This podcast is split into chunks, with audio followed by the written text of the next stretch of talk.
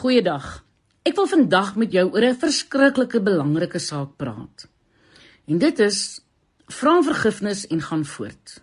Die Bybel sê, daar is dan nou geen veroordeling vir die wat in Christus Jesus is nie. Vir die wat nie na die vlees wandel nie, maar na die Gees. Romeine 8 vers 1.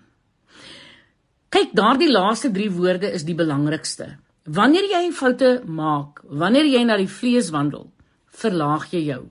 Jy voel skuldig en jy voel sommer ook onwaardig, is dit nie? Jy's neerslagtig en oorwonde. As jy daardie rigting inslaan, beland jy in 'n doodloopstraat. Ryk eerder uit na die Gees en sê ja, ek het foute gemaak.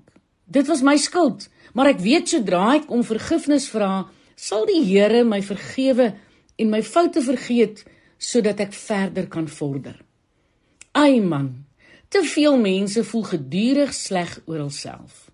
Pleks daarvan dat hulle die Here se genade ontvang en vooruit beweeg wanneer hulle fouteer, luister hulle na die stem van die aanklaer.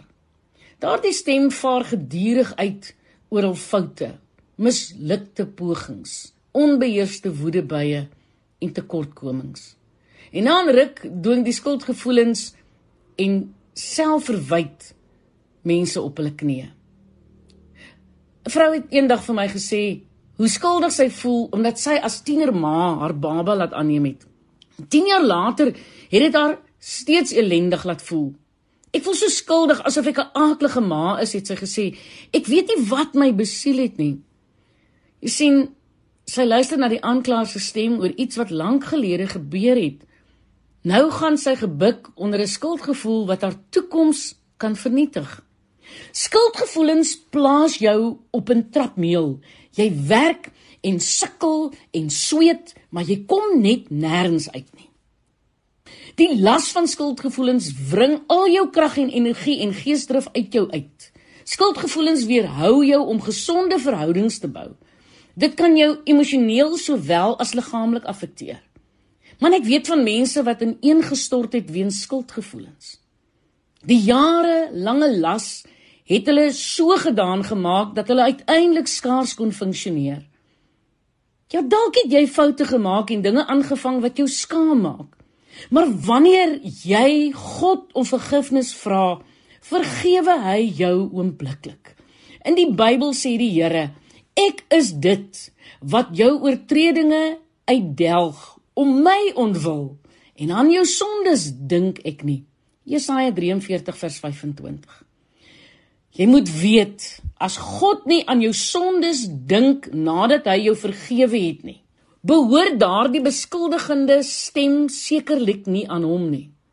Dis die aanklaer, dis Satan se stem wat jou toekoms probeer versuur en jy kan op twee maniere reageer.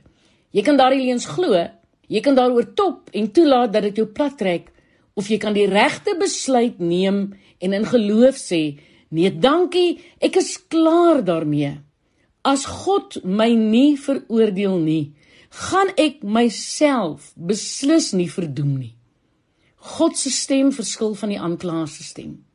Wanneer ons as gelowiges oortredings begaan, voel ons 'n innerlike oortuiging dat ons verkeerd opgetree het. Ons voel skuldig. Ons gewete vertel ons dis nie reg nie. En dit is die gees van God wat ons veroordeel. Dan behoort 'n mens berou te hê om vergifnis te smeek en met jou lewe voort te gaan. Sodra ons dit doen, vergeet God van die oortredings. Hy hou geen rekord daarvan nie.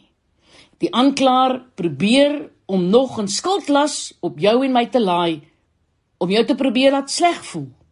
Maar ek besef wat hier gebeur.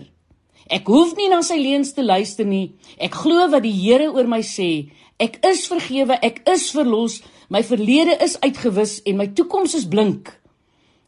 Deur jou doof te hou vir die aanklas se leuns, steek jy iemand se loef af. Die skrif sê: "En julle sal die waarheid ken en die waarheid sal julle vrymaak." Die waarheid is dat die boete vir jou oortreding reeds 2000 jaar gelede aan die kruis op Golgotha betaal is. Jy hoef dit nie weer te betaal nie. Jy is verlos. God se genade is groter as al jou foute.